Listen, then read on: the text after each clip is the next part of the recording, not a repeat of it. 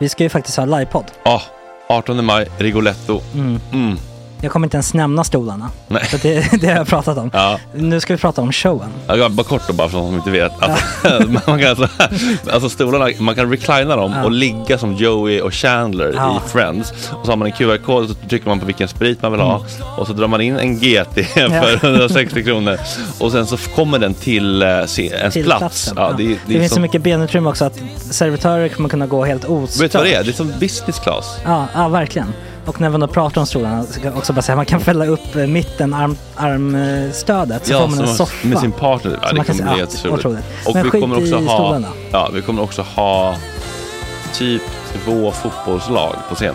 Ja, det kommer Alltså. vara, alltså det är svårt att rabbla upp alla i huvudet nu för det är Startelvan. så många. Ja. Men alltså Mattssons massaker, tänk dig den live. Mm. Jo, Jonas Dahlqvists frågelåda. Mm. Ekis, Lady Damer. Vi har Fanny Svärd, Marve. Tora, Tjejnytt gör comeback. Det är, ja, det är på en nivå av mycket folk. Ja, det kommer bli, eh, det kommer bli något helt annat, någonting man aldrig har sett på Nej. en scen tror jag. Vi kommer ha allt. Allt kommer finnas. Cirkus och Cirkus. Och det, det som är skönt med, med de där slutna rummen är också att man kan ju faktiskt ta upp saker som man ibland känner att det här kan man inte riktigt ha ute i etern. Nej. Men om Sanna Dollan har fått någon invit från någon gift känd man så kanske man kan lägga upp det på en bioduk. Ja, Alltså vi har tillgång Fotoförbud. till... Fotoförbud. Exakt, vi har faktiskt tillgång till bioduken. Mm. Alltså, gott snack upp på stora bioduken. Mm. Det är något nytt. Missa inte det här. Nej, det kommer bli otroligt kul. Biljetterna på filmstaden.se. Eh, ta med en god vän så tar vi Mm. med oss Johan Rabaeus. Exakt. och det kommer också vara, det, det är så mycket Förfest, det förfest i Ja. den här eh, Rigoletto-baren. Det kommer vara en hel dag. liksom. Det kommer vara en hel dag. Ja, och sen det är såklart alkohol, allting bara beställ in till platserna ni sitter på. Ni kommer liksom vara så bekväma, ni kommer ha kul. Är förfesten bara för Patreons eller? Ja, vi kan kika på det. Vi får kika på Ja, det. det kommer en hel dag i alla fall och så Det blir det någon slags verkligen bli. efterfest också. Ja, gud ja. Mm. Vad är en Gott Snack eh, livepodd utan efterfest? Gud, det kommer bli så länge sedan vi hade livepodd. Ja, det ska Längtar. bli skitkul. Ja, vi ses där hörni. Men, vart köper man biljetterna? Filmstaden.se. Ja, in och köp. Sök på Gott Snack där bara. 18 maj. Puss, hej. Hej.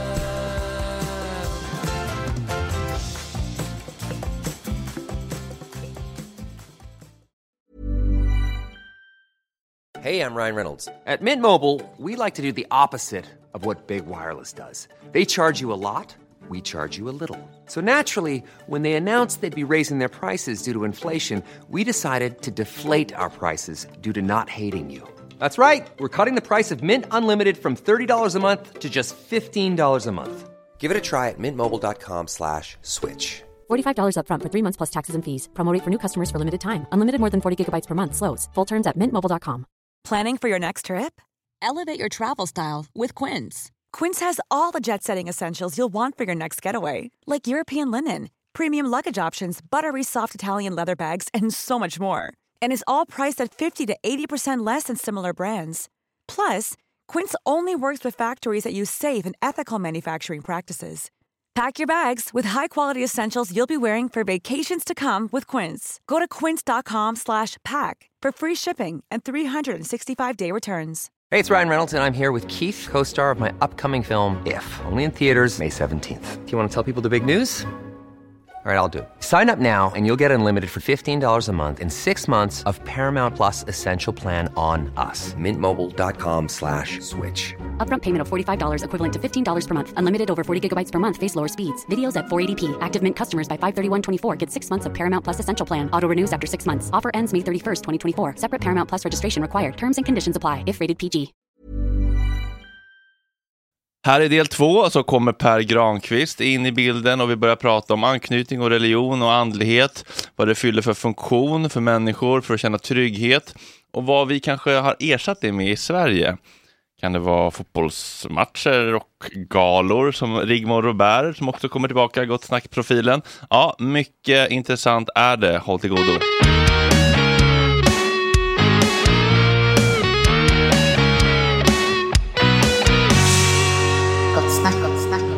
Vill Ska vi köra här? eller? Ja, du får jättegärna ta den stolen för att det är, den är finast, eh, det blir finast bild där. Ja, okej. Eh, vi håller ju... Ja, kör, ta för dig. What's, uh, Miss Casa su casa och så vidare. Eh, Vi har lite, var lite nostalgiprat här, jag och Max är bröder, vi pratar om eh, Gröndal där vi växte upp och det var en flicka som var som, En flicka. som flera pojkar var intresserade Ja, av ja. och det gjordes en sång om, om denna flicka och det blev eh, upprörda känslor. Och ehm, ja, Mm. så kom vi in på att det var en, ehm, en man som hade märkliga VHS-kassetter i en, i en replokal och eh, hade urin i petflaskor. Ja det låter helt bisarrt, allt det här är ju typ sant. Ja. Så att, men, och vi fick bena ut vad den här mannen drevs av liksom. Mm. Han i grannlokalen. Precis. Och eh, ja, det är väl lite det som är USPen med Gott Snack Per, att man kan gå från det till eh, att prata om anknytning och andlighet och religion på två sekunder. Ja, fantastiskt. Visst? Mm, ja. Du är då, eh, kallas ibland för religionspsykolog, professor i utvecklingspsykologi, föreläser, skriver böcker och eh, ja, du verkar ha gjort dina hundår i de, på de akademiska institutionerna om man säger så. Exakt så ska Ja. jag beskriva det faktiskt. Ja. Professor, det, är det det högsta kastet för oss som inte har en enda högskolepoäng? Ja, det är det högsta kastet i den akademiska världen. Mm. Det är väl så nära general man kan komma inom uh, militären. Hur Men står, jag- sig, hur står sig docent? Docent är näst högsta. Ja, Det är näst högsta. Ja. Sen är det också så att eh, liksom allt annat så har det varit föremål för viss inflation på senare år. Så att numera befordrar man ju professorer och sådär. Tidigare så var det få professorspositioner, nu är det ganska många. Så vi är inte, så, vi är inte lika exklusivt skadade. Nej, för jag tycker, när jag ser det tänker jag, det här är ju inte en professor, han är alldeles för ung. Ja, han har inte vitt krulligt hår. Nej, det känns som professor kunde man bli först på så att säga. Alltså på ruinens brant. Ja. Alltså man skulle vara liksom håret åt alla. ja, det är en bild man har. Einstein, Bilden av professor. Ja. det är ju exakt, exakt. Eh, Men då kanske det är professor emeritus. Heter det väl då. Ja, när man är sådär, precis. man fortfarande är lite aktiv men jag. Men jag tror att det, det ligger väl i linje med det som jag säger. Alltså, att det är lite lättare att bli professor nu än vad det var tidigare. Känns det tråkigt eller? Eh, Mindre coolt. Ja, lite mindre coolt och framförallt så är det så här liksom att det har, vägen till professor har blivit ganska formaliserad. Man ska uppfylla vissa saker och det är liksom, du vet det är väldigt mycket i samhället som är så här, kommer i stöpta former och givna förväntningar om vad man ska ha gjort och sånt där. Och det är klart man har rätt många hundår för att bli professor, så är det ju fortfarande. Men, men eh, man följer en viss mall liksom och släpps fram så då hamnar man där till slut. så kan man säga. Och så förväntas man fortsätta ungefär på samma sätt. Dra in anslag, lägga upp studier på liknande sätt, eh, låta statliga myndigheter bestämma vilken forskning man kan genomföra och så vidare. Och, så, och, och jag har lite tappat tålamodet med hela, hela konceptet så därför så framträder jag som en lite friare fågel nu än vad jag gjorde tidigare faktiskt. Men det är ganska bra. Då passar det bra här. Ja, jag tror det passar bra. Här är högt i tak. Känner du till eh, det här konceptet? Ja, det gör Ja, jag. ja. Det, gör jag. det är coolt tycker jag. Vad kul. För jag, jag tänker så här, det är skitbra att ha professorstiteln. För då har du ju liksom med dig en, autom, automatiskt med dig en respekt från början. Är så, okej det här är någon som vet vad de snackar om. Och då, vad heter det, testa vingarna. För då är det så här, okej, då kommer man ha lite auktoritet. Inte så här, jag är en skön kille som kör lite, frifräser lite i poddar. Alltså, om olika Jag, saker. men- jo, jo, jo, men alltså sen i liksom debattsammanhang, då är det så okej, nu har jag fått de här credentialsen som gör att Visst. öppna lite dörrar. Ja. Ja, bra. Jag, eh, jag minns inte riktigt eh, hur det här ämnet kom på tal, eh, anknytning och eh, anknytning och religion och andlighet. Men eh, jag upptäckte att jag har liksom aldrig tänkt på de sakerna tillsammans. Men det har ju uppenbarligen du gjort en del. Hur kommer det sig? Nej, men jag tycker det var någonting som var väldigt intuitivt för mig. Jag intresserade mig tidigt för religionspsykologi och för mig så har religion alltid framstått som ett fenomen som kretsar kring relationer. Upplevelsen utav att ha en relation till något större som finns utanför en själv. Um, för mig har det varit en intuitiv, liksom rimliga vägen in för att förstå religionens psykologi. Och så bara noterade jag att de allra flesta som har närmat sig religion, speciellt i vår del av världen, har gjort det utifrån felaktiga utgångspunkter. De har tänkt att religion i huvudsak kretsar kring någon slags, vad ska vi säga, intellektuell tro eller metafysiska uppfattningar om universum eller något sånt. Och jag har aldrig trott att det har varit själva grundbulten i religion utan jag har trott att det har varit det här relationella, känslan av att vara hållen utav något som finns utanför en själv. Och det ligger väldigt nära anknytningstemat. Och så bara märkte jag så här att okej, det, det var en amerikan som hade beat me to the chase som man säger. ehm, på det området. Skulle inte han ha gjort det så skulle jag ha varit där först. Men jag kom som god tvåa liksom och han hade lämnat ett bra teoretiskt bidrag för saker som kunde beforskas i empirisk forskning. Så det var liksom så började jag som 23-årig student på universitetet och skrev en uppsats baserat på det temat. Och det gick bra och sen så rullade det på liksom. Och jag tror verkligen du hittade en nisch eller man säger, eller ett kall kanske. Och bara, det här spåret följer vi nu. Liksom. Ja, lite så. Och, och jag skulle säga inte på direkt, eller inte bara på analytisk, logisk, formell väg, utan väldigt mycket på en intuitiv väg. Alltså en, en slags känsla utav att förstå sig på religionens psykologi som inte bara handlade om intellektuella övertygelser utan som var ganska känslomässig också. Mm. Ska vi, bara för att försöka få med så många som möjligt, Mm. som kanske sitter och dissocierar nu för att det blir för komplicerat. bara, vad är anknytning? Får vi vara så basic? Ja, anknytning är ett grundläggande fenomen som finns i eh, stora delar utav djurriket hos i princip alla däggdjur på ett eller annat sätt. Som innebär att den lilla ungen helt enkelt utvecklar ett känslomässigt band till sina omvårdare. Vilket betyder att de vill vara i närheten av omvårdaren. Om de blir rädda för någonting så söker de upp omvårdaren. När de ska utforska saker så gör de det med omvårdaren som en trygg bas. Så det är ungen som använder omvårdaren sådär. Ehm, så det betyder att ungen också ser på omvårdaren som klokare och starkare än vad de bedömer sig själva. Alltså någon som behövs helt enkelt för att ge trygghet. Kommer det från någon eh, överlevnadsinstinkt från början? Ja, precis det gör det ju. Ja. Ehm, eller det är i vart fall vad vi tror, att det är ett evolutionärt grundat fenomen. Mm. Och det är därför som man ser det hos så många djur också. Och byt där då ut omvårdaren till Gud, eller så- exakt, ja. Buddha. Väldigt, rim, väldigt rimligt. När man Ja. hör, alltså här, något som är Ja. större, något, man utforskar något, något är läskigt. Åh gud, Mm. walk with Tröst. me, Jesus walk with me. liksom. Ja. Ja men exakt, och om ni tänker på evolution så är det ju så att anknytning vaskas fram under miljontals år som en del av den genetiska evolutionen.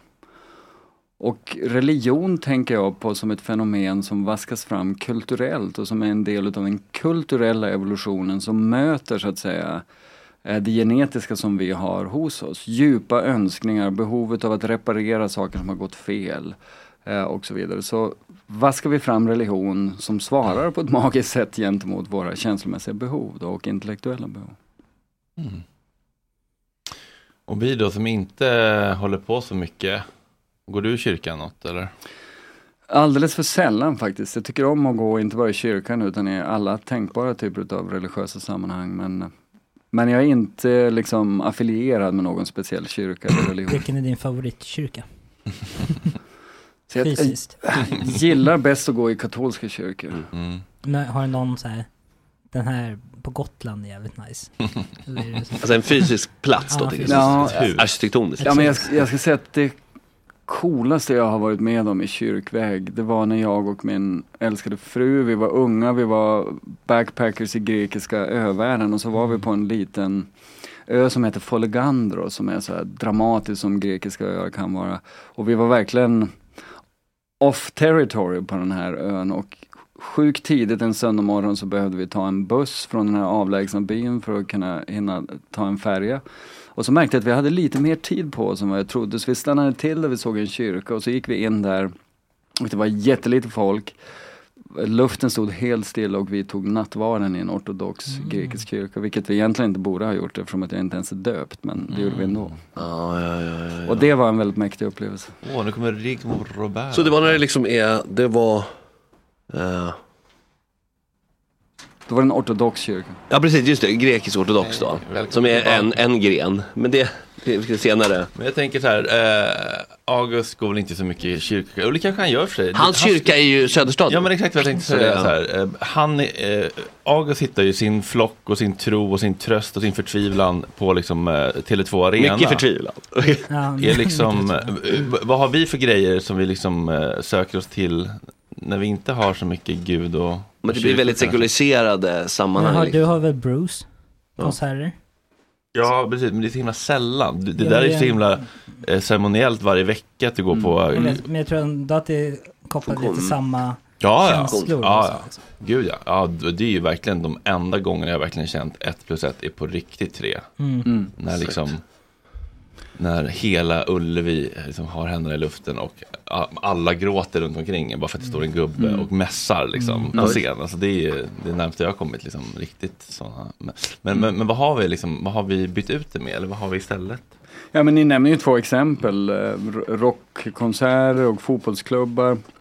Och de har ju det gemensamt med religion att det är sociala sammanslutningar och det finns eh, starka känslor, en upplevelse av mening, ceremoniella grejer som görs liksom.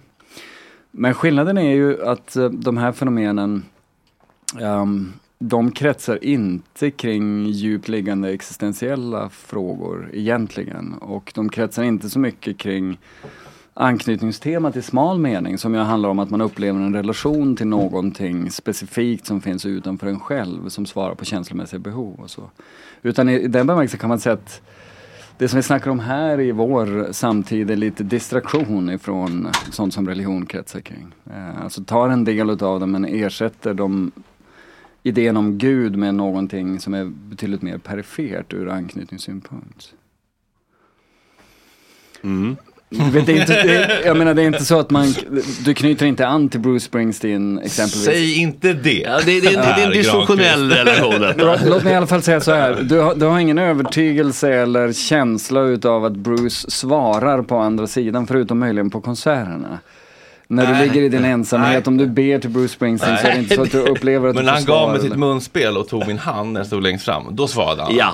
Vilket är väldigt mäktigt. Men det är tre sekunder Jag ska säga att jag också älskar Springsteen så jag skulle vara väldigt nöjd med en sån sak också. Men det här är så att Jag vi- har den typen av relation till Nick Cave för övrigt också. Alltså. Oh, Men- Men det är lite lättare att ha också för att han, han berör hela tiden tematik kring Ja. anknytning och religion och andlighet. Mm, och så. det. Väldigt mycket eh, bibel och Old Testament Ja. känns det som. Nu eh, har vi dessutom fått eh, besök av vackraste, underbaraste Lady Damer. Är du dum i huvudet heter segmentet. Lite eh, med glimten i ögat får man väl säga. Inte vässat. Absolut inte. Absolut inte. Och eh, vi har även Rigmor tillbaka som får jättegärna joina detta samtal eh, när helst du vill Rigmor. Eh, det är fullt, eh, fullt, eh, vad säger man? Ställ och... Fullt ställ av mysiga, smarta, roliga människor. Då trivs jag. Eh, Lady, hur mår du? Jag har det så jävla känns- jobbigt just nu. Ja, hur Eh, går Tåget det var för- för sent, mitt hår ser inte bra ut i den här äh, grejen. Uh, Vad är det för grej? Nej, men hörlurarna, Jaha. kolla liksom. Ja, ja, ja. Eh, och jag har sån jävla brutal träningsvärk så jag kan liksom inte sitta ordentligt. Har du Okej. kört karate? Ja, Ah. Rigmor, hur mår du? Fint, tack. Välkommen tillbaka efter succén senast. Sexsnack-succén. Jättetrevligt. Eh, läkare, psykoterapeut, poddare, tänkare, fru. Vad mer? Mamma Eh, Mamma. Mamma. Jungian. Jungian kanske. Farmor. Ja, farmor. ägare av Eh, bostadsrätt kanske. hus va, i Nacka. Hus. Ja, Husägare. mejlade mig väldigt mysiga bilder på fåglarna runt i, på din... Ja, visst, det var- otroligt mysigt. Ja, det är vi- faktiskt det är en heder att få leva med vilddjuren. Ja, men också så mysigt att du mejlade bilder på fåglarna runt ditt hus. Det, det, så, sånt tar sig inte folk tid att göra längre. Ja, men det... Efter Aha. ett möte bara sådär. Aha, nej men du vet jag sitter, sätter mig på diskbänken och då har jag fåglarna utanför köksfönstret Mm. och då har jag liksom 20 centimeter mellan mobil, mobilkameran och dem. Mm. Och så är det lite kul då när de kommer och domherrarna, det är liksom gammeldags på något sätt. Och stenknäcken är jättecool med såna här banditer. Stenknäckaren. Ja, att representera det med mig tycker jag var väldigt härligt och eh, det känns eh, inte så 2024. Jaha. Väldigt härligt. Jag är Eh, gammal vet du. Det är Ja, det. ja, och det älskar jag. Eh, och du känner till Per lite grann? Eller? Ja men det är så roligt. Per, Har han vi är... träffats? Nej, jag tror inte det. Men jag har ju lagt märke till att du är bland akademiska psykologer i den akademiska psykologin den enda egentligen som jag märker eh, har tagit upp religionspsykologin. Mm. Och jag, när jag gick min analytiker, psykoanalytikerutbildning så valde jag ett krångligt sätt, nämligen att gå den nere i Schweiz vid Junginstitutet. Och det var bland annat för att all psykoterapeututbildning, all psykoanalys i Sverige byggde på Freud och är till sin grund ateistisk eller sekulär. Mm. Så man liksom tänker sig att ja, men om man, det här med religioner det tillhör något gammeldags vidskepligt stadium. Och människor har alltid berättat för mig, oavsett vilken kultur man har kommit ifrån, när de märker att det finns en öppenhet. Så i livskriser så kommer ju Mm. De eh, religiösa erfarenheterna och traditionerna i förgrunden. Och då kan det vara allt ifrån människor som har sin bakgrund i en muslimsk värld eller i en judisk eller i en kristen tillhörighet och till och med en kinesisk kvinna kommer jag ihåg, hon höll på att ramla av stolen när jag började fråga henne om I Ching som var en sån där orakelbok i deras, det var ju så gammaldags och hemskt och hon var ju så sekulär. Mm. Men Intressant att du nämner det. Och vi pratade lite grann om vad som är motsvarigheten till religion i vår del av världen. Men vi kom inte in på det som jag tror är den stora grejen i det svenska projektet. Det är välfärdsstaten som i Mm. någon mening har klivit Ja. in och i ett lite ingenjörsmässigt politiskt program eh, har ersatt religionen på grund av att det kan tillhandahålla trygghetsfunktioner. Vi snackade om det precis, eh, apropå ungdomsbarometern, Ja. vad man är rädd för, Ja. den här känslan av att staten inte längre bär oss. Nej, men ex- Så den, den tron har falnat lite? Liksom. Ja, Alltså den har ju börjat mycket. göra det och Mm. det, det har liksom öppnat svenskar på senare år på ett intressant sätt tycker jag. Ja, men jag reagerade nu när jag kom in här så var ni inne på ja, men den här erfarenheten i Bruce Springsteen, Rockgalan, eh, fotbollsmatchen. Galor. Underbart. Det är ett ord jag inte hört sedan jag kollade på Aktuellt ett från 1985. nostalgikvarton. Ja. Ja, ja, men den har ju en religiös motsvarighet menar jag. Mm. Och då är det om vi går tillbaka till antiken före de eh, abrahamitiska religionernas, genom, alltså skriftens religioner. Mm. Då tro, jämför jag det med den dionysiska erfarenheten. Ja, ja, ja, bra. Är du med? Ja, absolut. Jag är inte, jag är inte Jag med tror, längre. jag tror det är en person här som är Det är med. liksom utlevande. Professorn och psykoterapeuten är med varandra. Ska, precis, nu är det högakademisk nivå. En liten brief på Dionysus bara. Det är inte långt ifrån vad du tror. Nej. Nej, vad är det? Vad är det? Vill du höra? Ja, ja, gud. Ja, ja. Nej men alltså eh, i reli- religion, det här kan ju Per, men jag menar religion betyder ju liksom ordning, regel, regelsystem för ett samhälle. Men vi är ju inte bara de här välfärdsstatsmänniskorna utan vi har ju också det här behovet av något fullständigt tvärtom. Ja. Och man kan ta Pride-paraden, Pride-galan, man kan ta de här eh, liksom extaskollektiv som man kan uppleva på en hockeymatch eller så. Och då hade man i den eh, liksom förkristna perioden, hellenistisk, grekisk, så, hade man en gudom som hette Dionysos. Och han var ju vinguden och bara det, då tar man ju bort liksom när man är eh, på lyset. Mm. Och sen klädde man ut sig. Jag tänker de här, de hade liksom runt påsk varje år så återkom Dionysos i någon slags vagn på Atens gator om vi tar det atenska. Och så drog man honom där och han hade varit under ytan hos Tetis, havsgudinnan under vintern. Och nu kom han och folk drack vin och klädde liksom masker på sig och de hade typ bockfötter istället för skor eller horn eller så här för att visa det här är det djuriska som får komma fram. Men man avgränsade då det kanske till den här veckan eller någonting sånt. Och efter det så kanske det kom lite barn som inte hade pappan som man trodde eller vad vet jag. Sergio från Love is blind. Han allmän, veckan. liksom tvärtom eh, period. Alltså det är det jag vill flika in, att Dionysos var ju liksom guden för knulla och supa. ja. Ja. Ja, men. Lady Damer som gud. det här Men också oss... konsten, också teaterkonsten.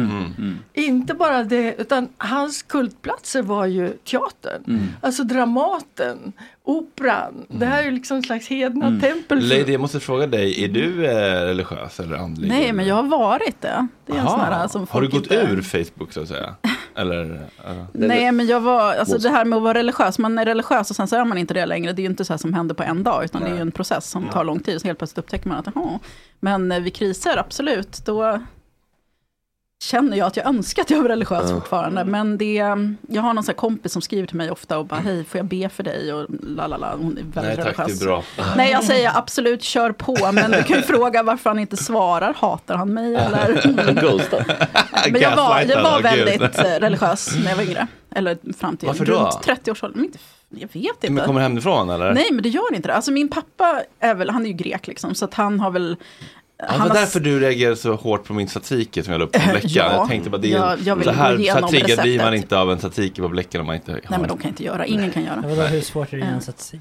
Oj, Oj. Agge, passa dig Nej. nu. Tunn is. Ja, verkligen. Jag får sån ångest när andra ska göra statiker på en fest. Då blir det så här, Ah. Men kan du bara säga några klassiska misstag? Folk som river, jag tycker det är... Eller, Eh, jo, alltså du ska ju riva gurkan. Alltså, man, kan ju, man kan skiva den också supergott. Men riva den, men du måste pressa ut vattnet, du måste ha riktig yoghurt. Alltså den måste ju stå och dra och det, Det ska och det bort. ska i Ah. med citron och Dill. vinäger. Olivolja massvis. Ah. En del har dill, en del har mynta.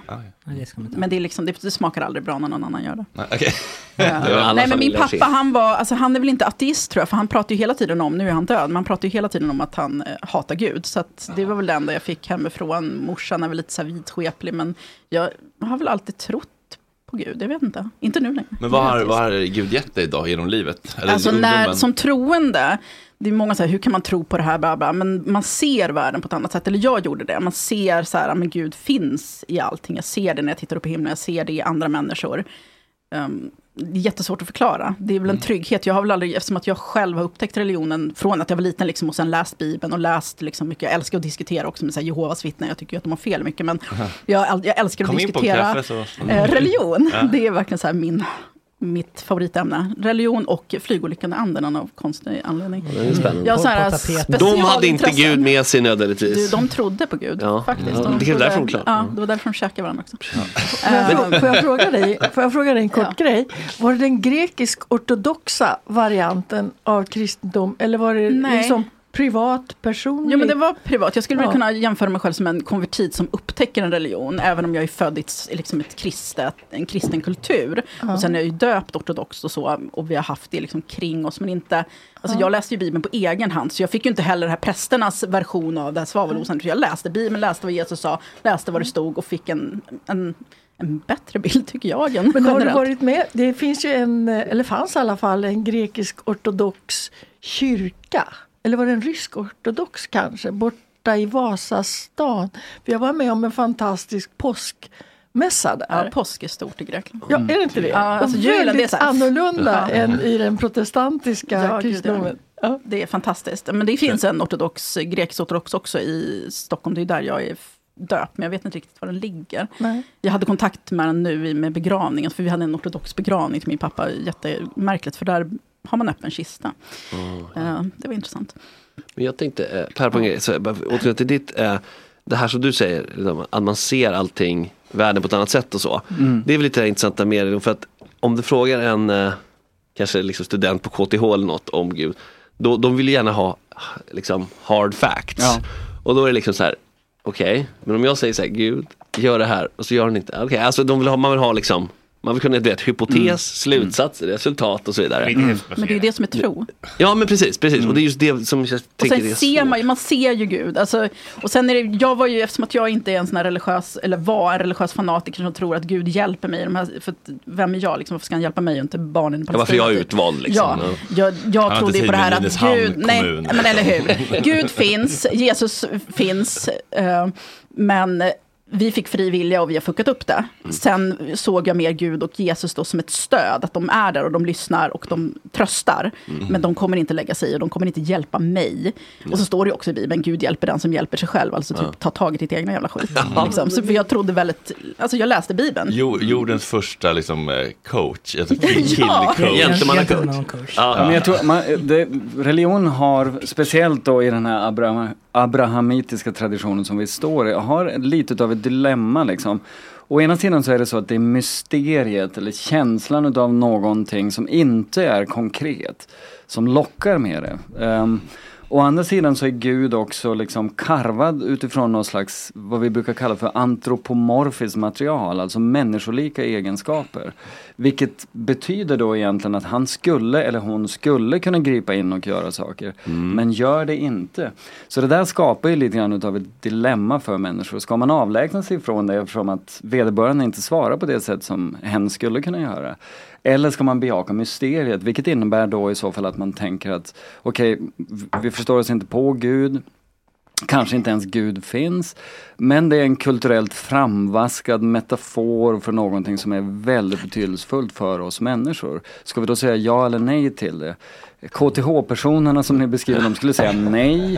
Eh, detsamma gäller för sekulärhumanister och så vidare. Medan folk som är, ska vi säga, lite mer intuitivt eller holistiskt orienterade kanske skulle säga ja. För att för dem så är det felaktiga förväntningar och tro att det här objektet ska funka på samma sätt som en annan människa. Ja, för att man förmänskligar. För att man har Gud. förmänsklat för mycket För när att man, man tror när man har så sådana förväntningar. vi är Guds avbild, då tänker man sig en snubbe liksom Ja, med skägg. precis, men ja. Gud har inget kön, har inget ansikte. Nej. Gud är någonting helt annat. Exakt, man precis skapar ett ansikte och en kropp och, Mm. på någonting som är Och att han ska då resonera som en människa. Alltså, Vad, vad har ni haft för liksom starka andliga, religiösa, psykedeliska, inte vet jag, upplevelser som har känt så här, oh, det här Där känns... mysteriet har varit prominent så att säga. Kanske känslan då. Inte liksom jag Mm. nu, såg nu är jag långt ifrån 76ans buss mot Frihamnen. Ja. liksom. Ja, ja. Allting har ju en naturlig förklaring. Jag som ateist tänker ju så. Min mamma har alltid varit väldigt så här, oh, det här, jag såg ett spöke eller den här grejen. Och så ska hon berätta grejer. Och jag bara, men mamma, alltså, det är bara för att du inte kan förklara det. Men det var säkert ett litet jordskalv eller det var säkert grejen. Alltså, det gardin liksom. Ja, för att folk, det är så jävla märkligt att så fort någonting konstigt händer ska folk alltid dra slutsatsen att det måste vara ett spöke. Nej, men, Eller men, det är ju spännande också. Jag menar inget konstigt, jag menar bara något som kan vara så starkt eller mäktigt Det eller... känns... Jag, jag, jag, kan, Ja. jag kan prata. Ja. Det är sånt människor berättar för mig om. Och jag har också haft sådana erfarenheter. Och jag tror ett feltänk som lite grann är i rullning här. Det är att man säger Gud hjälper inte mig, han lyder inte mig, han gör inte som jag säger. För då har man ju liksom satt sig själv och gjort Gud till den här lydiga, eh, vad ska man säga, instansen i något osynligt. Medan den eh, eh, re- religionen är egentligen tvärtom.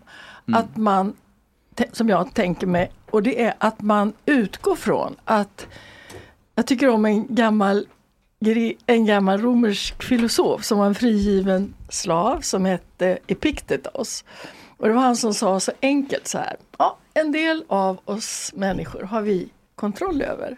Och en del av oss själva har vi inte kontroll över. Och då vad vi lägger in i det här andra som vi inte har kontroll över. Det är väldigt olika för att ofta så pratar man om människan i singularis. Och det är ju, det är ju alltså uppenbart om vi fem som sex som sitter här. eh, Vad heter du förnamn?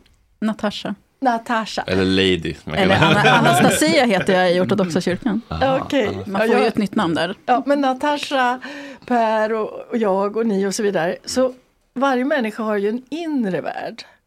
Och det, mitt yrke har ju handlat om att möta människor i deras inre världar och att de är så olika. Så det är ibland förvirrande att säga människan i singularis. Men det får man göra då när det gäller religion, när det ska vara för oss alla. Men till exempel så var det så här, apropå mina fåglar, att jag bor i en skogsbacke. Eh, får jag ta ett exempel på Mm. hur jag har upplevt mys- det mystiska? Ja. Ja, men då var det så här.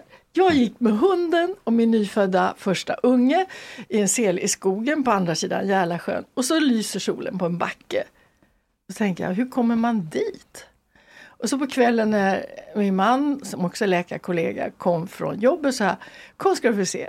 Där ligger ju två hus. Jag vet inte hur man kommer dit. Nu kanske inte vi har no- vi har inte råd så. Men om vi säger till dem att om tio år kanske de vill sälja. Eh, då kanske vi skulle kunna bo där. Och det var då han vände sig så här, kollade ner i mitt ansikte. Så här, vill du bo där? Och för mig var det som att, huh, on, off. Säger jag att jag vill bo där nu, då är det som att trycka på knappen. Och då gjorde jag det så här, ja, sa jag. Sen satte det igång. Så att det där huset som vi får bo i då, det var så omöjligt med bygglov och allting som var konstigt. Men han får, hon får. Hon får stå Nej, men hon har så mycket bakterier i munnen. Ingmar. Jaha. Det är bra. Du som är läkare. Men jag får ju ett nytt glas och så. Hon är, det är missekatten. Ja. Det är också ett tecken när djuren vill vara med. Men i alla Mm. fall. För att göra en lång historia kort så var det så omöjligt att få bo där och då lovade jag universum som jag kallar det för då. Ja. Man kan kalla det ödet, man kan kalla det, men alltså det här större sammanhanget som vi är del av och som vi aldrig kan kontrollera. Om jag får bo där så ska jag göra en inskription över dörren. Det var liksom mitt lilla, det, det var min lilla grej och då tänkte jag det kommer något läckert, typ Dionysos-templet, någon sån här grekisk sentens. Och det enda som kom var ett bibelord. Och då tänkte jag, åh shit, jag kan inte ha ett bibelord över dörren, det här går ju inte. Och det kom inget annat. Och jag hade lovat universum. Och det var då jag fick min snilleblixt. Katolikerna kör Bibeln på latin. Så jag ringde katolska bokhandeln, för det här var 1974, och frågade vad heter det här bibelordet på latin? Ja, convertat dominus voltum suomannos. Ja, men ta det sakta, jag behöver, så skrev jag upp det då. Köpte linträ, eh, skar ut de här texten, det står över våran dörr. 15 år senare ungefär så läser jag i Svenska Dagbladet att man har gjort, hittat en gammal grav när man bygger om i Jerusalem så kommer det fram gamla gravar. Och då visar det sig att man hade hittat en amulett. Eh, två rättare sagt, men den ena hade man jobbat kanske tio år med och kunnat tyda den här lilla kilskriften. Och då visar det sig att det var det tidigast kända bibliska ordet eller uttrycket eller delen, som man har fått fram. Och så kom jag för tio år sedan till Jerusalem. Hittar i deras museum där plötsligt den här graven. Och så ser jag den här amuletten som då var hoprullad silverring så här. Och så var den utdragen och så hade de jobbat i tio år och kunnat tyda. Och då var det min inskription. Och då kände jag, Gås. det, hur kunde det bli så? Ja, det har ju ingen betydelse för någon annan. Men för mig var det stort.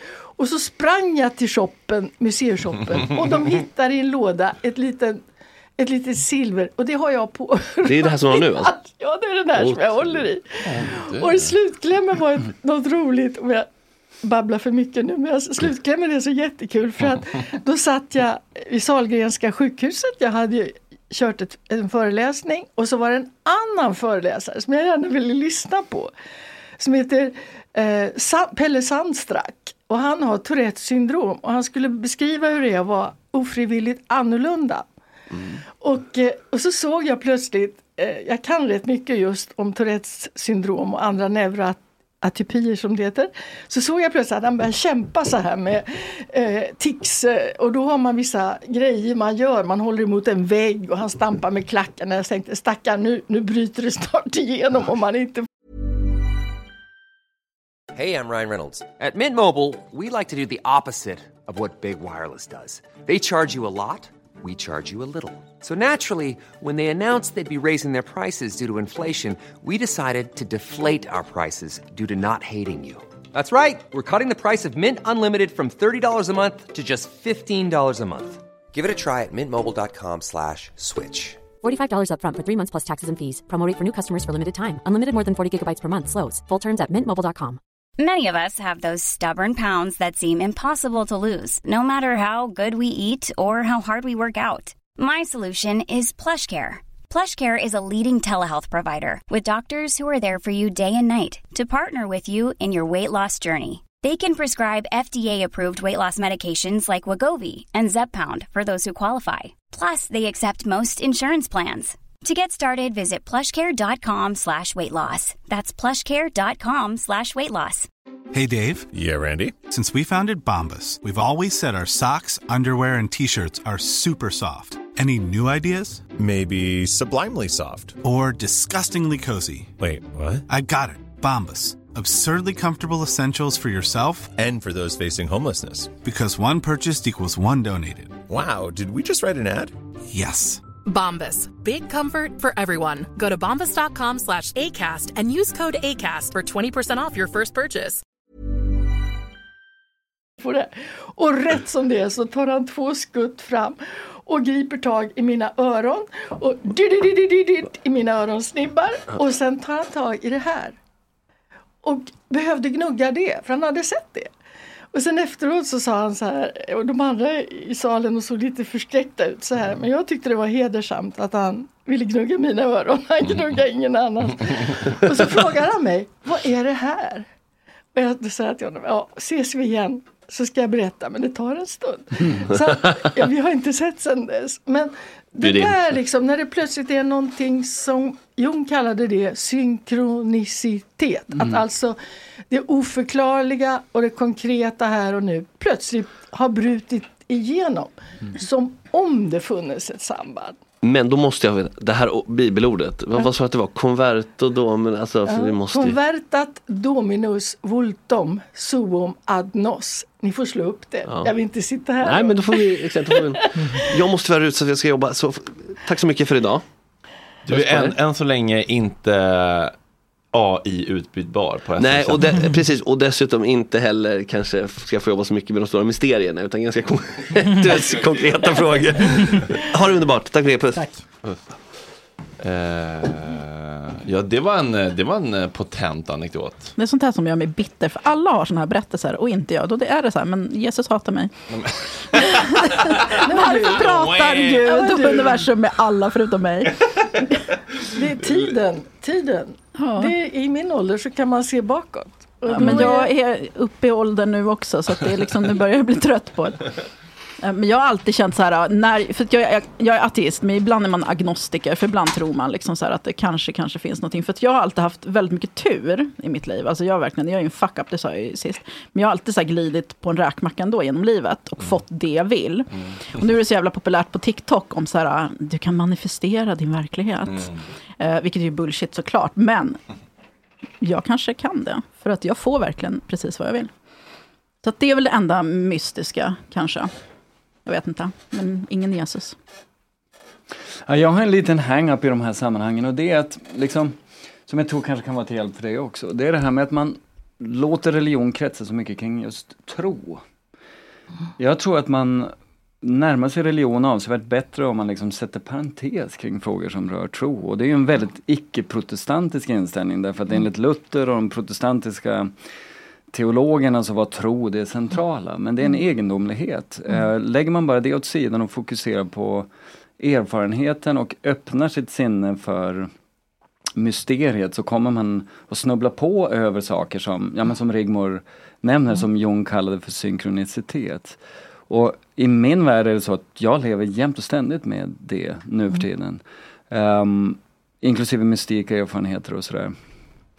Men det betyder inte att jag får en formell tro på Gud som passar i förhållande till någon speciell typ av religion eller någonting i stil med det. Utan jag går omkring och liksom låter erfarenheten ehm, vara öppen och alla trosföreställningar och sånt där vara, liksom, vad ska vi säga, hypotetiska och inte de mest intressanta ingångarna. Men Och jag tror det är religionen- därför som jag har kunnat göra skapligt bra religionspsykologi och sådär, för att jag helt enkelt har tänkt bort det här som, som jag menar får folk att inte förstå vad religion egentligen handlar om. Ja, men det är ju också man-made, alltså religion. Även när jag var kristen så tänkte jag alltid att men det här är det sättet som universum eller Gud, när man säger Gud så tänker man ju alltid på den religiösa guden, men jag tänkte mer på det som någon slags kraft som inte jag förstår.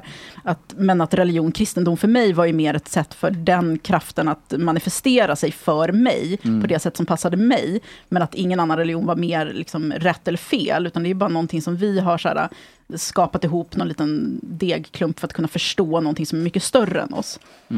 Så att, ja. Jag måste kissa. Agge, kan inte du berätta om någon, eh, någon upplevelse som har varit lite Eh, över, eh, inte övernaturlig, men Oförklarlig. oförklarlig eller liksom andlig eller? Alltså jag har inte riktigt... Jo. Ja, men jag, När Bayern vann SM-guld 2021. Sen tänker jag att människan har väl också en förmåga så här att... eh, För jag tror att vi har mer förmågor än vad vi, än vad vi är medvetna om. Det behöver inte vara religiöst eller utomjordligt eller andligt eller någonting. Men att vi också har förmågan, som med det här synkronisering, att vi har förmågan att se mönster, att det finns någonting som... Alltså vi hör ju ihop, vi hänger ihop, vi är ju liksom molekyler allihopa. Och att det är väl det som att vissa människor har en bättre förståelse för att känna igen och liksom lägga märke till sådana grejer. Då blir det de här oförklarliga upplevelserna som kanske egentligen inte är så oförklarliga, men de är, känns det för oss. Mm. typ. Om man tolkar det så. Ja. Men det, det är otroligt vad, vilken skaparkraft eh, människor har haft eh, i religionens namn. Mm. Alltså om man tar tempel, eh, om man tar eh, de här stora tornkyrkorna, synagogorna, moskéerna. Eh, alltså det är ju något otroligt. Man bygger inte för att kungen ska få bo fint eller djuren ska få ha skydd och tak över huvudet. Utan man bygger för en andlig värld. Och man skapar en bärande mytologi.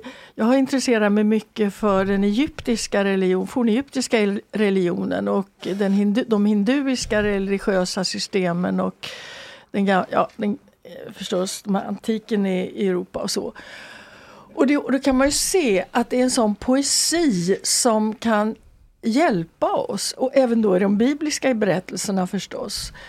Och eh, sångerna och musiken och allt det här. Så att när människor tillsammans samlas inför det här oförklarliga som är större än vi själva och egentligen har det väldigt mycket att göra, tänker jag, med samvetet, det vi vet tillsammans.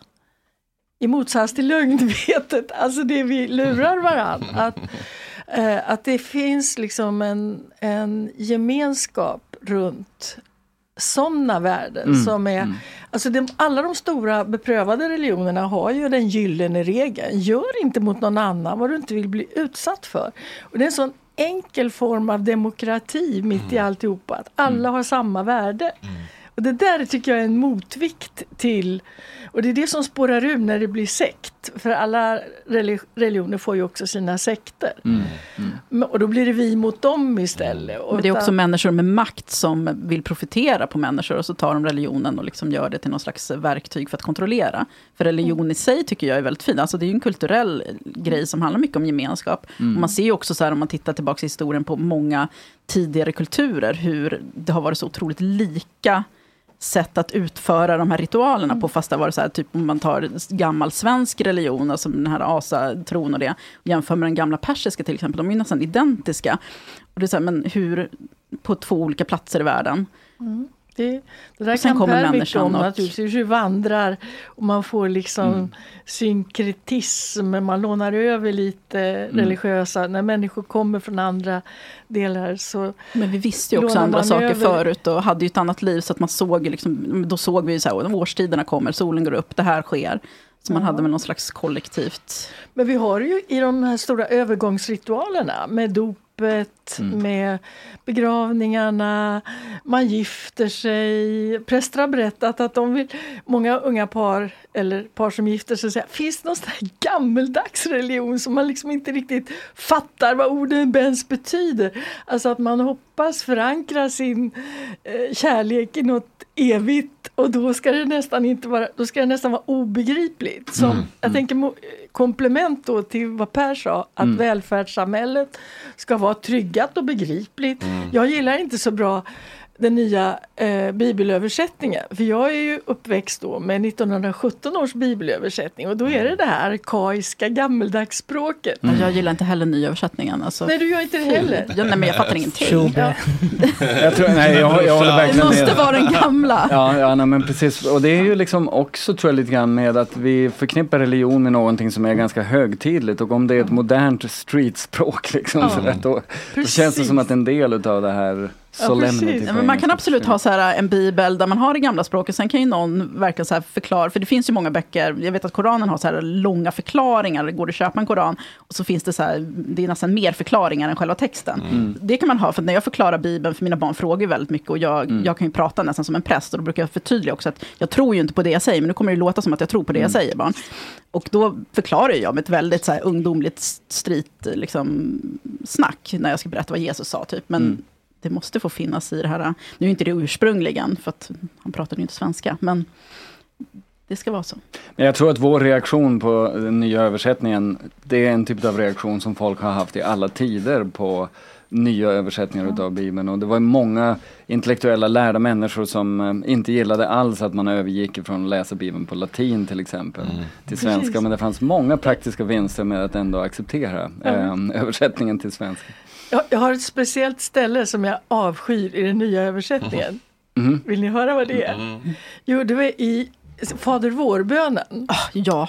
Ja, fint. Nej, men jag blir jättearg varje gång man är på bröllop eller begravning. Precis. Och jag, har, jag har gillat en speciell eh, sentens där, nämligen Inled oss icke i frestelse. Mm. Alltså jag tycker det är så bra. För jag blir inledd i frestelse ska jag erkänna. Mm. Och det vore skönt att slippa en del. Men då har de ändrat det till utsätt oss inte för prövningar. Precis. Och det Ja, det är tycker jag samma. är helt Nej. galet, ärligt talat. Och den har ju Vad- ett flow också som är Alltså hela den liksom Den gamla? versen, ja den har ett speciellt flow som Ja, är väldigt skönt och Ja, rullar fint. Liksom. Exakt så. Och så bara, alltså jag blir jätteförvirrad. Jag har Ja. varit på många så här tillställningar i kyrkan där de ska läsa den här. Och så bara, Ja, jag hänger inte med. Nej, jag- Men kör man alltid det nyaste på föreläsningar det har de gjort nu när jag har varit. Alltså jag, har varit på kyrkan. nej, men jag har varit på begravningar, på dop och sånt. Ja, och det är alltid den nya varianten. och jag blir, vara. Men jag tror, alltså, varje gång man nyöversätter så går man tillbaka till ursprungsordet. Eh, och det grekiska ordet där, jag kommer inte ihåg vad det är för någonting, men det är så här dubbelladdande. Det kan vara frestelse, det kan vara prövningar. Och då tror jag det är så här att när man då nyöversätter, då tar man någonting som ligger bättre i synk med tiden. Ja. Och frestelse har ju att göra med synd. Ja, skam, och det ska vi skam, inte det hålla ska på vi inte hålla Vi på med. Utan vi prövningar är någonting som fortsätter att alltid finnas hos människor. Då kör vi på den Då översättningen. kör vi på det. Men då Plus att man förstår grekiskan bättre Jag var inne på med Ja, det dionysiska elementet. Ja. Att det liksom finns ett ändå litet hörn i gudomen Men- av det här vildvuxna, tokiga. Ja, men, men här säger ju då kristendomen, eller i svensk uttolkning här och nu att Ja. All right, vi ska inte säga nej till det dionysiska som handlar om frestelser. Utan vad vi, vad vi ska göra är att försöka få Gud att hjälpa oss med olika typer av prövningar som vi har. Och det behöver inte vara av moralisk karaktär då, utan det kan vara... Men jag håller inte med. Det är inte prövningar, det är ju frestelser. Alltså jag blir frestad av det här. Typ. Ja, precis, men det- Prövning, det är någonting annat. Men är det är så lite- Prövning är något helt annat för mig också. ja, ja, men men de har ju Men- ändrat hela, alltså he- även början. Alltså jag blir så här, nej men vänta nu. Men ursprungsordet på grekiska, Ja, jag fattar. det är alltid det man går tillbaka till Ja, alltså i nyöversättningen. det är mycket sån här- Du kanske vet vad det är för Eh, något? Nej, faktiskt inte. För det är gammalgrekiska. Ja, nej, gammalgrekiska är något helt annat. Men jag vet ju att mycket i Bibeln är så här att man har ju, prästerna har ju själv så här att nej men vi, vi skriver det här ordet för det funkar bättre. Mm. Men mycket av de grekiska orden har ju haft andra betydelser. Min favoritdel är ju den här delen om, den enda delen i Bibeln om att homosexualitet skulle vara en synd. Men det handlar ju inte om homosexualitet alls, för att de har ju översatt eh, det grekiska ordet helt fel. Så att, eh, men det, det, det gillar man ju att tro på ändå. Mm. Men, och det är väl därför de liksom gör ändringar, men jag, tror, jag vet inte om de har Vad är det ändrat för ord då? Betyder Alltså det det är ett ord som, jag kommer inte ihåg ordet i sig, det Sodomi. grekiska ordet, men ordet är, alltså man använder det liksom inte, alltså det är ett märkligt ord, men det betyder inte, det står ju så här att en, om en man ligger med en annan man så som man ligger med en, en, man ligger med en kvinna, så ska han eh, liksom straffas, bla bla bla. Men det de menar är att om en man ligger med en pojke, det vill säga ett barn, Mm. så ska han straffas. Och Så grekerna att- ändå inte var helt... Alltså det är ju märkligt ändå, för att de, de gillade ju att ligga med pojkar. Ja. Men, eh, ja, men det handlar ju liksom inte om homosexualitet egentligen då, utan det handlar ju fan om pedofili. Mm. Men det är ju inte, det tycker ju kyrkan Potato, kan vara lite obekvämt. Ja. Vad, eh, kan man få in eh, någonting om eh, psykedeliska upplevelser i den här konversationen? För det har ju varit en av Jag har haft noll, men vill ha gärna. Ja, men det har Mm. varit- några av mina roligaste, alltså 10 gram svamp, då åker man ju på en inre jävla resa alltså. 10 gram är mycket. Ja, jag snackade med Gabor Mate här om veckan faktiskt, han har tagit 16 gram. Det är fan en Hur funkar det på oss med ADHD då? För att vi kan ju ta hur mycket droger som helst nästan. Ja, fråga professorn. Ehm, du, jag tror att jag skulle, ja, det är faktiskt ett eh, intresse för mig på senare år, detta med, med psykedelisk Ja. vetenskap. Ja, jag försöker bara hålla mig till forskningen på området. Men um, ska jag säga om ADHD vet jag faktiskt inte. Jag kan säga så här att man i de kliniska studier som finns så brukar man av säkerhetsskäl exkludera folk med bipolaritet, Ja. psykos hos sig själva eller i den omedelbara familjen. Ehm, en del indikatorer på vissa typer av personlighetsstörningar och så vidare brukar också screenas ut. Men just ADHD har jag faktiskt inte sett att man har adresserat. Jag vet faktiskt inte vilka effekter man skulle ha. Det är väl kanske olämpligt om man ska forska på effekterna av en viss medicinering. Att man, det är väl kanske bättre då att ha neurotyper. För att, Ja, kanske. Nej, men, och det finns ju en grej med, med um, psykedelika som, som handlar om att man, um, man bryter connections eller neurala förbindelser som är etablerade sedan tidigare och det är delvis det som den kliniska nyttan finns därför att det möjliggör att man bygger upp nya typer utav Mm. förbindelser i hjärnan. Men det är samtidigt också så att under ett psykedeliskt rus så tappar man sin exekutiva förmåga, alltså att hålla ihop medvetandet och driva det agentsmässigt åt ett särskilt håll. Va? Och därför tänker jag så här fenomenologiskt att det kanske inte passar jättebra för människor med ADHD för de har redan en del problem Ja, med just de sakerna. Liksom. Så att det är väl kanske en ändå ett av de kliniska tillstånden som jag tänker kanske svarar sämst på psykedelisk terapi, men jag vet inte. Det är en Alltså jag, skulle jätte, alltså jag skämtar så här, åh droger, haha, skitkul. Mm. Det är det ju inte. Men för att jag har sett liksom, dokumentärer och läst väldigt mycket om just forskningen kring det psykedeliska och det är otroligt intressant. Ja, det är verkligen Och då blir man så här, jag vill inte pröva för att jag vill bli hög och ligga liksom och garva någonstans, utan för att det kanske gör någonting i hjärnan. Mm. För att jag har ju sett liksom många som bara, men jag var deprimerad i 20 år, tog en liksom, tripp och sen bara... Sen så hörde jag om någon som blev vegan efter och det är jag lite rädd för. Ja, det finns eh, faktiskt data från flera studier nu som pekar på att ens eh, ekologiska eh, värden så att säga ökar och Ja. upplevelsen utav att vara connected med naturen och så. Men jag tror ju redan att vi är det, men jag har inga problem med att äta kött ändå. Så att, Ja, men Ja, man vi vill liksom inte göra man vill liksom, jag upplever att jag vill liksom göra ännu mindre skada på allt och alla, Mm. även djur och natur. För Ja, man, alltså, man precis. av För att äta kött för mig handlar ju inte om att vi ska ha en massa slakterier och liksom plundra hela jävla djurvärlden. Utan Nej. det ska ju vara på ett ekologiskt och trevligt sätt, vilket jag Mm. absolut inte ägnar mig åt, eftersom jag inte har egna djur. Men, eh, nej, men det, det är jätteintressant med Ja, men kruxet är ju att realiteten kring djurindustrin är väldigt mycket eh, just det där med Ja. industrialiserat förhållningssätt till dem och djuren har ett helt och hållet instrumentellt värde och sådär. Och jag tror att när man har en stark psykedelisk upplevelse så upplever man samhörighet med naturen och då bara fattar man Mm. att okej, det där är inte hur vi ska förhålla Alltså, oss det är till ju andra inte, varelser.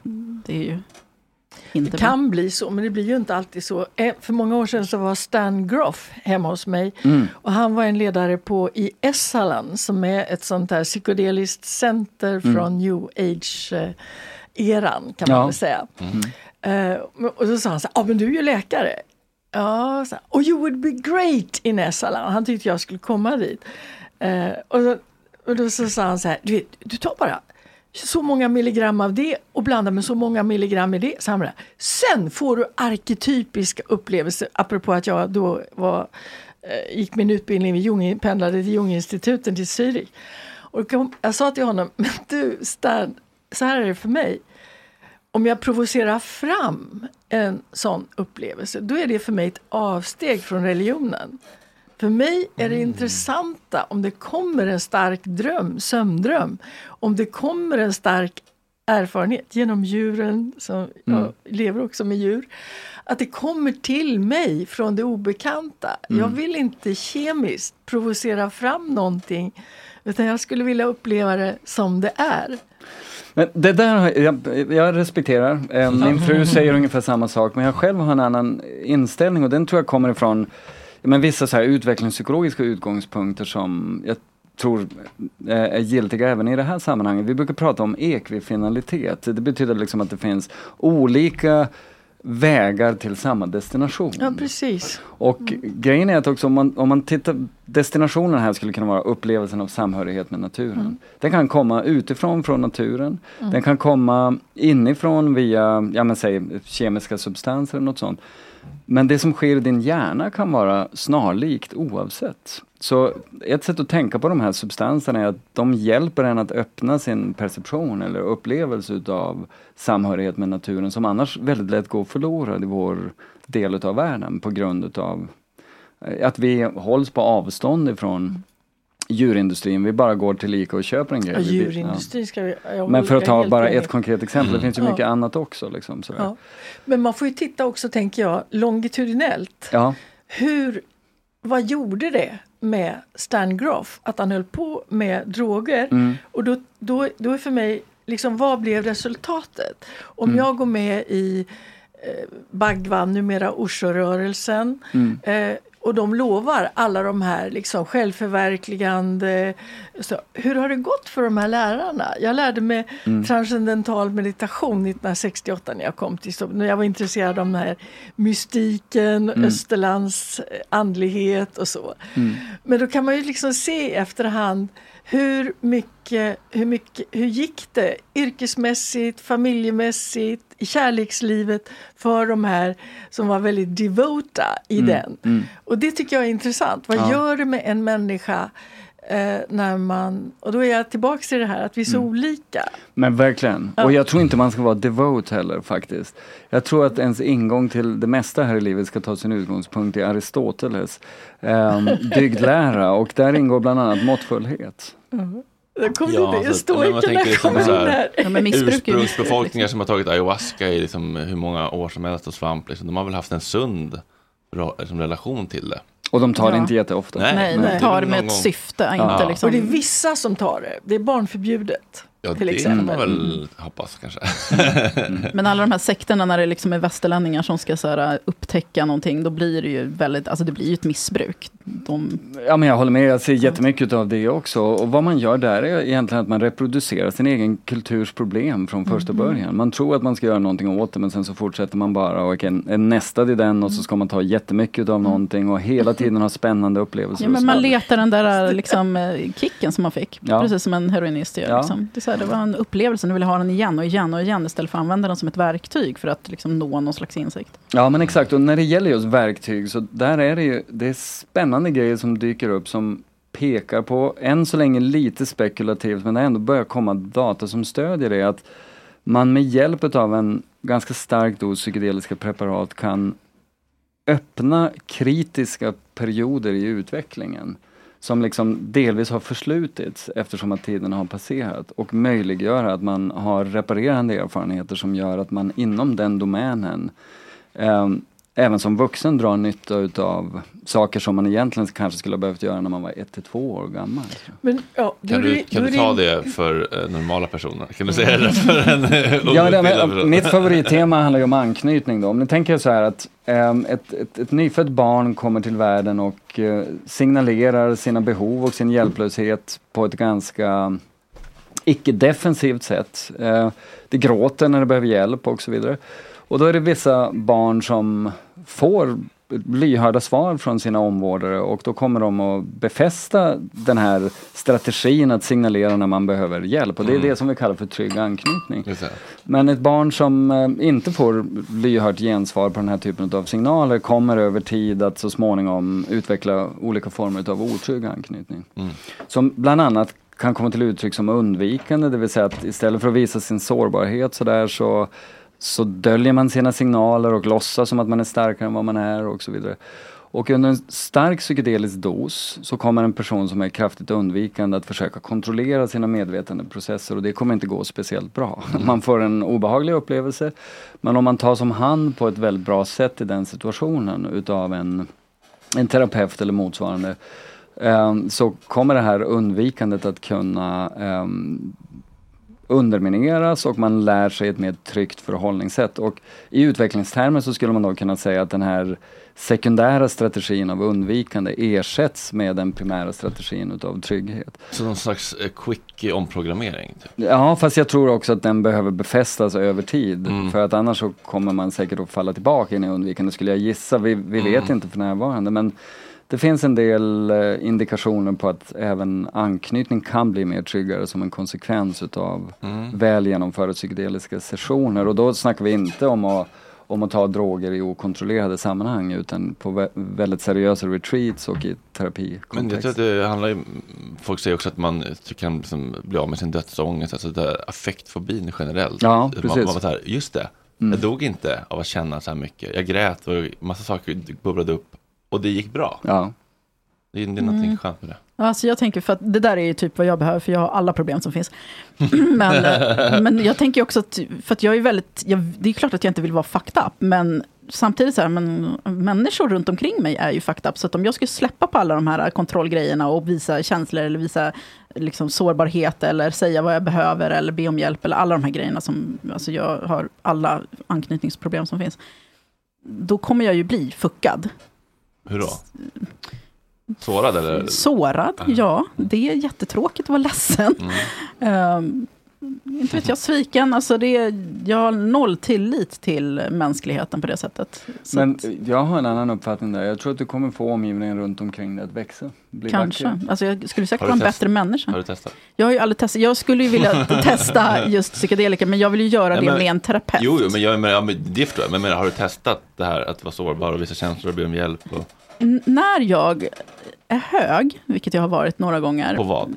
Morfin. Okej. Alltså när jag, Ja. när jag opererats, det här är så här stående skämt nu, för att Ja. jag har opererats några gånger. Och varje gång jag gör det, då man behöver konfiskera min mobil. För det är då jag börjar skriva så här kärleksbrev till mina vänner, till min Mm. morsa. Fast det var, det var faktiskt bra, för att jag och mamma har liksom en, alltid haft en sån här, liksom, hon är fantastisk och jättegullig, men vi är båda fucked up, så att vi pratar aldrig känslor, vi säger aldrig liksom sådana snälla saker, vi är snälla mot varandra. Men, Aldrig men så dig. var jag liksom hög och skrev ett långt brev till henne, sms, här att jag förstod min barndom, jag förstod henne, jag dömer ingenting, jag förstår det, för att man, man får insikten när man själv blir förälder och sådana grejer. Och efter det så är vår relation mycket, mycket bättre. Mm. Så det var väl bra, men sen har jag ju skrivit mina vänner och de så här, Natasha, du, sluta nu. Men det där tycker jag är intressant. för Jag också, när, ibland när jag tar hem det hemma skriver jag långa sms hur mycket jag älskar människor och Mm. att jag saknar dig och det. Och sen så va- vaknar man dagen efter och så bara hur knäppt det är att första impulsen är skam. Skam för att jag har visat kärlek. Mm. Varför ska jag skämmas för att jag har skrivit ett jättefint sms till Jag någon jag älskar? Ja. Att det är så. Alltså jag skäms nog inte över det, utan det har mer varit att jag skrattar och så bara, ja, ja, okej, ja, men det var bra, nu har jag sagt det. Men mina vänner är ju likadana som jag, så att vi är ju väldigt så här, ja, ja, men vi vet vad vi tycker om varandra, vi behöver inte prata om det, sluta ingen ögonkontakt heller. Så att jag vill bara så här, jag måste säga det här, för att om jag dör, då vet ni det liksom. Apropå Dionysos så ska jag också vilja säga i den här diskussionen att vi har någon slags vi, vår kultur är så präglad utav motsatsen till Dionysos som skulle vara Apollo tror jag, som är det nyktra medvetandet och sådär. Distansen. Distansen, att vi har liksom fått för oss att om vi inte har några preparat i kroppen så är vår perception och vår verklighetsuppfattning mer adekvat än när vi har substanser i kroppen. Men det finns ingenting som tyder på att det stämmer. Därför att vårt medvetande är designat utav evolution. Det finns där för att få oss att göra de saker som vi behöver göra för överlevnad och reproduktion. Så det är väldigt selektivt, det filtrerar ut en massa olika saker som En massa kemi i hjärnan och Ja, kroppen men också, precis, så vad är liksom... Så, och eh, jag menar inte, jag säger inte så här som Aldous Huxley att man får en sann perception av verkligheten när man tar psykedeliska droger. Man får en annan perception och eh, juryn är ute och debatterar än så länge vilken perception som är mest sann. Men jag tycker det är jätteviktigt att ifrågasätta Alkohol. den här perceptionen. Alkohol. ja, nej, men- nej, men det som vi ser nu, för det vi ser är ju så vänner, är påverkat. tio. Det blir lite, nej, det blir lite eftersnack. Ja, Du har inte bråttom. Nej. Du har inget jobb att gå till. nej, det här Nej, och ni som har det, ni får gå när ni vill. Men vi kör lite eftersnack.